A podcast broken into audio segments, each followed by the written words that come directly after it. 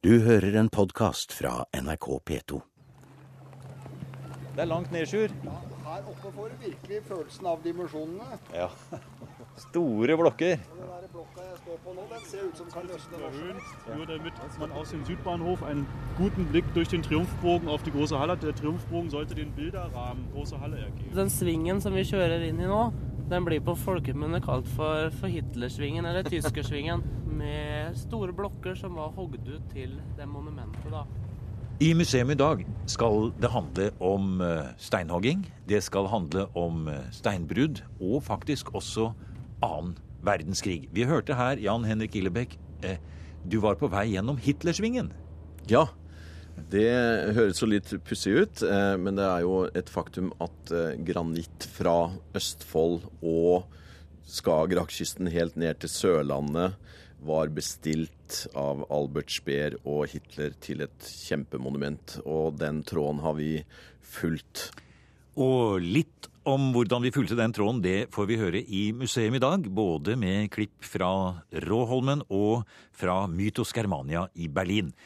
Men etter at disse programmene ble sendt i 2009, Jan Henrik, så ble Store Råholmen midlertidig fredet, og nå ser det ut som om det kan bli en permanent fredning. Ja, og det er det dette programmet skal handle om. Jeg har vært ute med en som heter Lars Ole Klavestad. Han er landskapsarkitekt, men jobber hos fylkeskonservatoren, og har nå samla dokumentasjon som skal danne grunnlag for en fredning av Store Råholmen. Svær blokk her nede. Det er ganske vanskelig å ta seg fram i sånne steinbrudd. Her ligger det på kryss og tvers, og en vet liksom ikke om alt er sikra heller. Oi, der lå det en, eh, en fet en svær uthogd blokk. Hvis du ser på den, så, så har den en annen kornlighet og en litt annen farge. Ja, den er rød, mer rød enn den vi nettopp har vært ved. Det skyldes at det har vært mange myter rundt det her med, med Hitlerbrøtta og, og sånn. Og en har trodd at det har vært Skal vi se, det, er, det har blitt jobba med den type sten her både i i i Ullerøy, i Skjeberg, i Ulfeng ved Torsnes, eh, på, på, ved Sandbukta på Kråkerøy, Store Råholmen, og de har Putten på Kjøkøy, og også et sted i, i Onsøy. Så da er vi oppe i, i sju forskjellige plasser hvor det har blitt jobba med, med sånn Hitlersten Ja. til monumentet. Og den var ikke bare fra denne siden av fjorden heller, antagelig. Nei, det var det ikke, fordi det fortsatte rundt hele veien ned til Fjæreheia ved Grimstad. Og det var egentlig, for, for der nede så er det en granitt som har en veldig rød farve. Kan det være Ja, og, En og det sånne? har vi også i, i Røyken i, inne i Drammens, eh, Drammensfjorden. Og det var den rødlige farven som Hitlers arkitekt Albert Speer eh, var ute etter å få her fra, her fra Norge. Men eh, det var ikke tilstrekkelig å kunne ta ut i alle de her brudda på, på vestsiden av fjorden.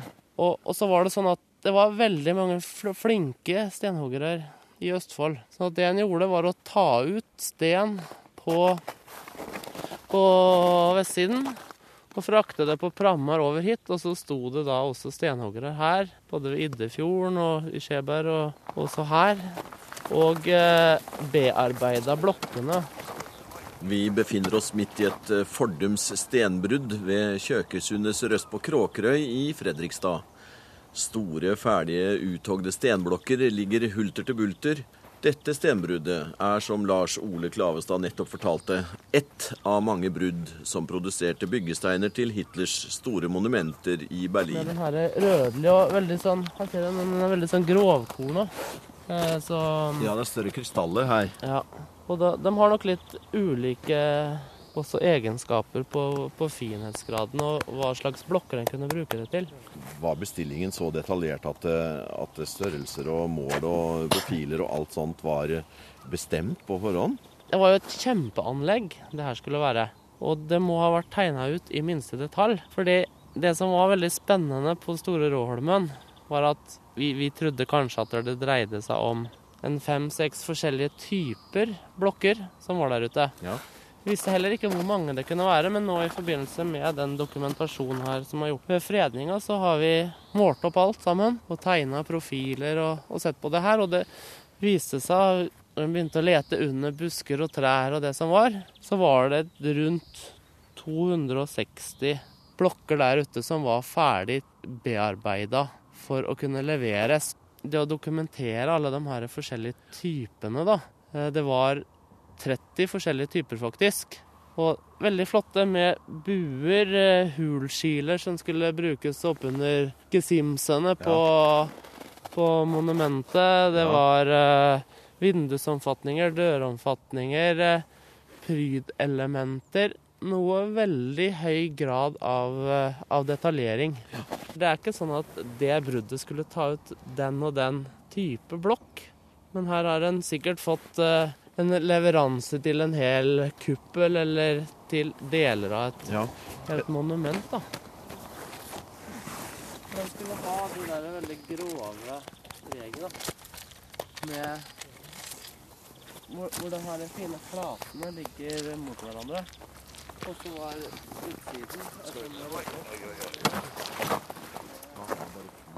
Hva må til for at et sted skal bli freda? Det må jo ha en nasjonal verdi. Det har jo ofte vært bygninger som har blitt freda i Norge. Litt staselige bygninger, herregårder, lystgårder, prestegårder, den, den type.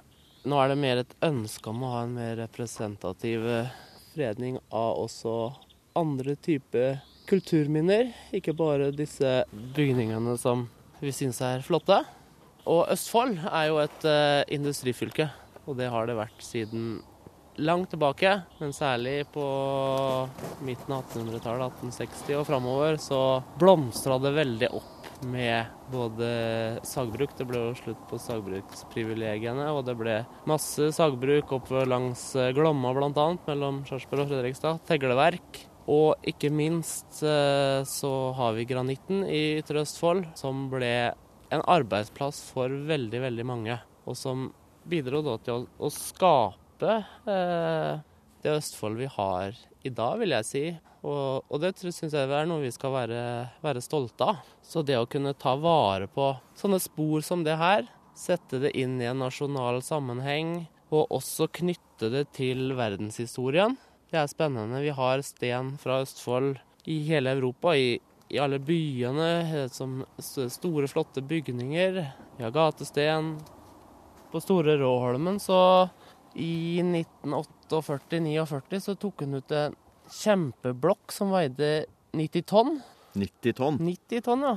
Og den, eh, men en hogde det ned til et emne da, på, på 25 tonn. Men eh, ut av det emnet så, så var det da en kunstner, eh, Stinius eh, eh, Fredriksen, som hogde monumentet av president Roosevelt, som står ved Akershus festning.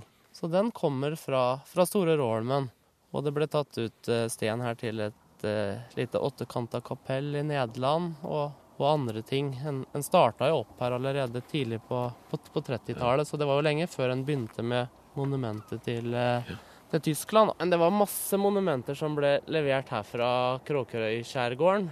Til eh, stenutsmykninger på Oslo rådhus, det er fontener på, på Torv i Drammen, det er Borregaardsmonumentet ved Sarpefossen, og det er krigsmonumenter som, og for minnesmerker for falne fra krigen da, over rundt i hele landet. Så her var noen av landets absolutt dyktigste eh, stenhoggere. Ja, vi må jo nevne også selvfølgelig det kanskje mest sette monumentet som er hogd ut av Østfoldgranitten. Ja, Ved Iddefjorden så ble jo monolitten til Gustav Vigeland tatt ut som Det er kanskje den største stenblokka som er tatt ut av, av norsk fjell. Og der ble det også tatt ut for ikke mange år siden et, et kjempestort eh, eh, som skulle til ambassaden i Berlin. Så Østfoldgranitten har eh, skapt mye god kunst og eh, historie. Høsten 2009 inviterte kollega Øyvind Arntzen med seg en hel delegasjon fra Riksantikvaren til en befaring på Store Råholmen. Fagfolkene likte det de så. Ikke lenge etter grep fylkeskonservatoren inn og foretok en midlertidig fredning av Du ser anlegget. jo restene etter, eh, restene etter materialet ligger jo helt der borte fra enden der, ser du, og kommer helt hit. Men det er masse forskjellige typer skinner her. Ja, det er det. Mens Gustav Rosnes gjør nærstudier av huggeteknikk i granitten, følger hans kollegaer Sjur Melum og Alexander Ytterborg det ca. 60 meter lange jernbanesporet som strekker seg fra bryggeanlegget tvers over øya. Blokka der oppe, Ja, den er løs, ser ut som. det er klart å bli tatt ut. Ja. Det står ennå igjen to rustne vogner, to lastevagger, som fraktet råblokker ned til stedet der selve huggingen foregikk. Eh, Det er jo det som gjør den eh, tekniske siden så interessant. ikke sant? Altså Den ene siden er jo kall det geologiske eh, siden, med altså granitten. Men også jeg syns nettopp dette med skinnesystem og kransystem og sånn, det er jo det som i hvert fall for min del fanger interessen. da. Alexander Ytterborg er seksjonsleder for fartøy og teknisk-industrielle kulturminner hos Riksantikvaren.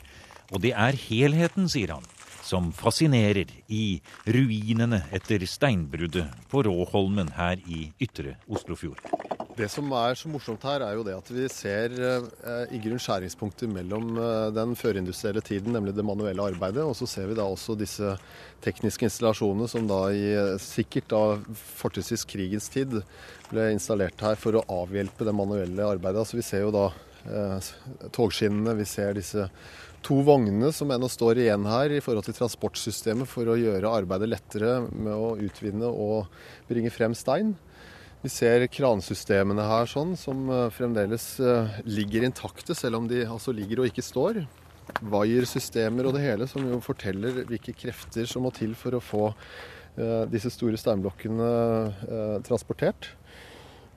Og så har vi jo da eh, dette området som vi nå står på, hvor man ser at foredlingen eh, finner sted, med da enden på det hele, nemlig eh, de ulike bitene som eh, helt klart allerede er klare til avlevering.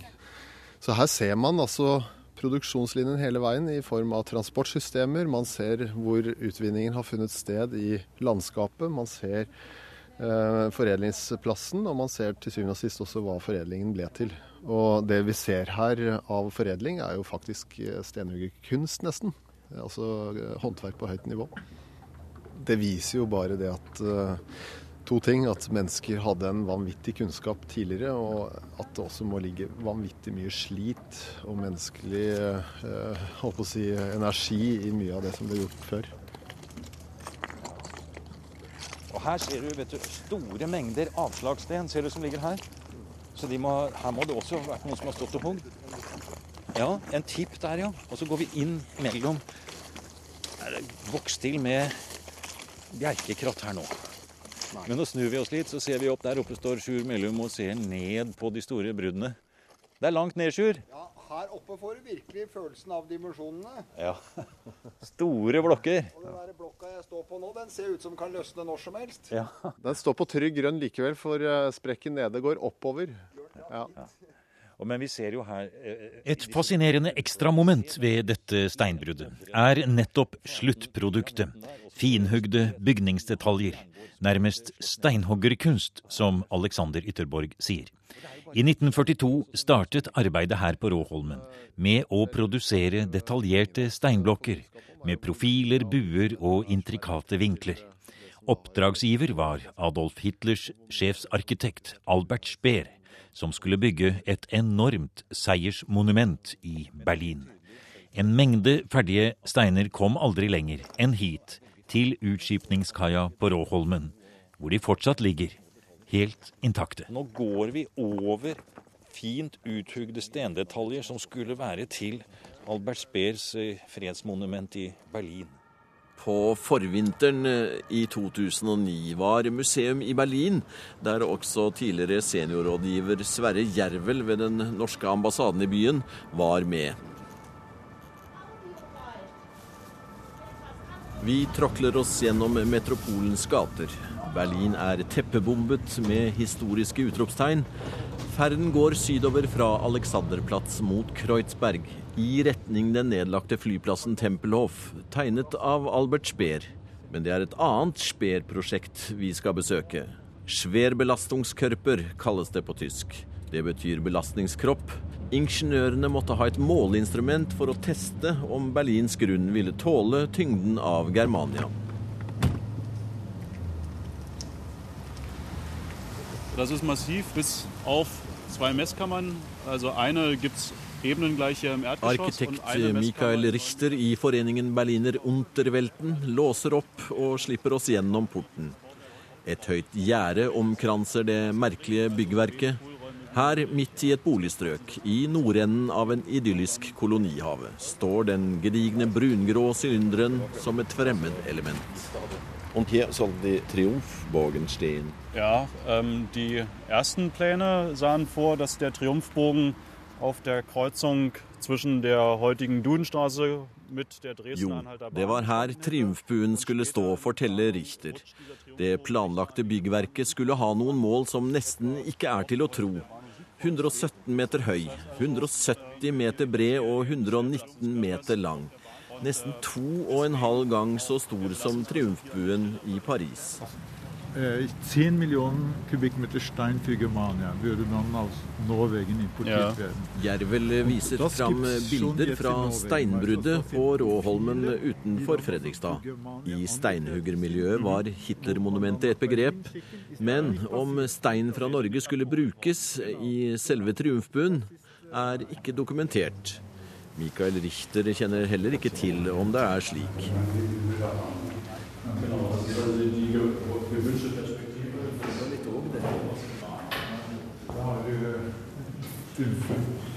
Fantastisk, utrolig. Det gir en underlig følelse å gå inn i det eneste fysiske eksempelet på verdenshovedstaden Germania. Over oss tynger 12 650 tonn betong. Det drypper fra taket. Gamle verktøyskap og utstyr fra krigens dager ligger nå igjen i det mørke rommet. Flere etasjer under oss er kamrene hvor måleinstrumentene sto. Na, es ist ja leider nicht möglich, jederzeit hierher zu kommen, sondern immer nur zu festen Führungszeiten. Ja. Aber diese Führungen, die jetzt ähm, diesen Jahr gelaufen sind, hatten Es ist ein Denkmal für Germania, die Hauptstadt. Das ist, so ist es unter Denkmalschutz gestellt worden, als sichtbarstes Er dette et minnesmerke for verdenshovedstaden Germania? Nei, stedet ble fredet i 1995 fordi det er det synligste tegnet på Albert Speers byplanlegging under nasjonalsosialismen. Derfor er det vel feil å si at det er et minnesmerke for, men heller et minnesmerke mot. ist natürlich eigentlich kein Denkmal für, man muss fast eher sagen, es ist ein Denkmal dagegen. Nå er vi eh, i et sted som heter, eller på et sted som heter Ullerøy. Ja. Det ligger jo midt mellom da Sarpsborg og Fredrikstad og Halden, kan vi vel si. Ja, vi er midt mellom byene. Ja, og her var det et Borti fjellet her så var det et stort stenhoggeri som heter Oterhi. Eh, her var det masse stenhoggere som jobba. Men hvis vi ser her, da, så eh, Hvis du er en sten Den her vet ikke hva det er for noe. Ligner på en, på en skosåle. Den er tydeligvis hogd til et eller annet. Ja, Men det som er litt interessant ved siden her Se her. Hva heter det her? da er vi akkurat og ser utover isflata, og her ligger isen tjukk utover hele fortsatt. Her ser vi typisk fra denne blokker fra Hitlermonumentet Ja. til Ette. Da har det blitt en bryggekant her, faktisk, rett og slett. Ja. Helt ned mot stranda her. En sivbevokst eh, strand. Ja. Og her Det har kommet til nytte, da. Det har kommet til nytte, og sånn gikk det jo med veldig mye av den granitten som ble hogd til monumentet. Mm. Vi har jo fått tak i noen flotte bilder, og det lå Ja. to Langs brygga her så lå det to kjempestore stabler Her ser jeg bildene i rapporten din. Har du sett, da? med, med sten som ble, som ble hogd ut hittil. Og hvis du ser på bildene her, så er det den samme type sten som vi har Som, her. ja, riktig. Eh, og eh, de, de blokkene, da de kom ble frakta over her da, på prammer, så veide de kanskje fire til seks tonn Ja, hver og enkelt blokk. og. Og så ble det da ble bearbeida ned til, eh, Ja. til på- fine blokker. Så det sto og, og en kran på det var to brygger ut her, og det var kran som sto her som løfta det. Og så var det en skinnegang ja. som eh, frakta stenene da fra, fra brygga her og inn til eh, to lange hoggeskur hvor eh, stenhoggerne sto og jobba. ja, men der er jo en sånn med, med tekst på. Se her, ja. Et eh, åttetall og et romertall tre. ja. Og Og det er også en sånn rød, mer grov Ja, sånn krystallisert porfyrisk. i forhold til den helt annen karakter på den grå som ligger ved siden av. Den er jo Østfoldgranitt. Ja. Men det som var faktisk ute på Store Råholmen, Mm. det var at der var også den østfoldske granitten litt rødlig. Ja, Så den skilte seg litt ifra innlandsgranitten. Kanskje det var nettopp der eh, Så det var nok ikke tilfeldig at den brukte sten der utenfra. Nei. Det var artig at vi fikk se den steden med inskripsjon på. Du, men de bildene du har, dokumenterer jo det veldig solid, da. Og dem er akkurat herfra. Det var her på brygga. Akkurat. Nå er vi jo på Kråkerøy, hvor eh, Der er et ja, Det er vel en ja, rundt ti sånne hus her på, på Kråkerøy som ble bygd eh, sånn etter krigen eh, en gang, og det var dårlig med tilgang på materialer, og, og sten var jo noe som var ble regna som noe billig, billig materiale. Da. Han hadde jo lett tilgang på både fjell og på, på materiale og på arbeidskraft, ikke minst. Så, så derfor finner en jo flere sånne bolighus. Eh, ganske enkle bolighus her på Kråkerøy. ja, vi skal hoppe utover, så skal vi se. Litt grann får vi står, Nå har vi ikke snakka med de. Nei, vi står her. Men hvis du ser på, hvis du ser på, på sten her, så er den helt rød. Sannsynlig- Den er rød? Ja, den er sannsynligvis eh, sten som er henta på andre sida av fjorden. I om det er i Fjæreheia ved Grimstad eller i Røyken eller hvor det er. Og så har den da blitt frakta over til Østfold for å bli bearbeida til, til Hitler-monumentet. Og du ser på, på grunnmuren der nede, så er det veldig, veldig finhogd. Og som er litt sånn som vi har sett på de andre blokkene. På flere eiendommer i Fredrikstad og Sarpsborg-området er stener tiltenkt Hitlermonumentet brukt til bl.a. utemøblement, som på Ulfeng gård i Torsnes. Ja, Vi må prøvesitte. ja vi får prøve sitt. Og det er eh, Ja, og nydelig. Har en ganske krapp radius her, og så, og så flater den ut. Og, og, dem, og hvis du ser dem her, så setter vi dem sammen, så ser det nærmest ut som de skal være igjen i en bue. Så den buer, jo i, i, den buer jo i to retninger, nærmest skjønner. opp under en kuppel eller Skjønner. noe, noe sånt. Og så er det jo veldig flotte profiler Ja. Eh, i flere her.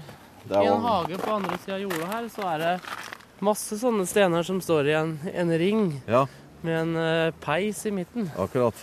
Og de har også brukt det til peisen inne i huset. Eh, så så en, jeg har funnet flere hager rundt i, i Fredrikstad-distriktet, så, så finner en de her hulskilene igjen. Ja.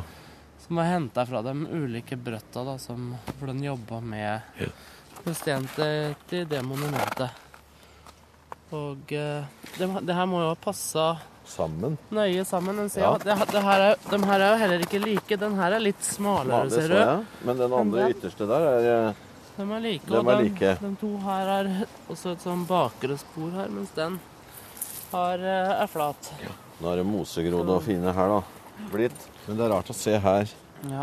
at uh, det ligger historie her og lever i beste velgående, holdt jeg på å si. ja, det gjør det, og det gjør det rundt store deler av Oslofjorden, i veianlegg, i middelalderparken i Oslo, så har ble stenene fra som skulle brukes til Hitlermonumentet, brukt i restaureringsarbeidet. Ja. Det er brukt i bygninger, det er eh, moloer, brygger. Og kan en lese geologien da og se at her er det en fremmed sten i Østfold, Mm. så kan den kanskje lukte lunta. Og, da, og det er jo litt etter den metoden der jeg har jobba litt. Når jeg har jobba med den rapporten her, og, og lete etter sånne spor.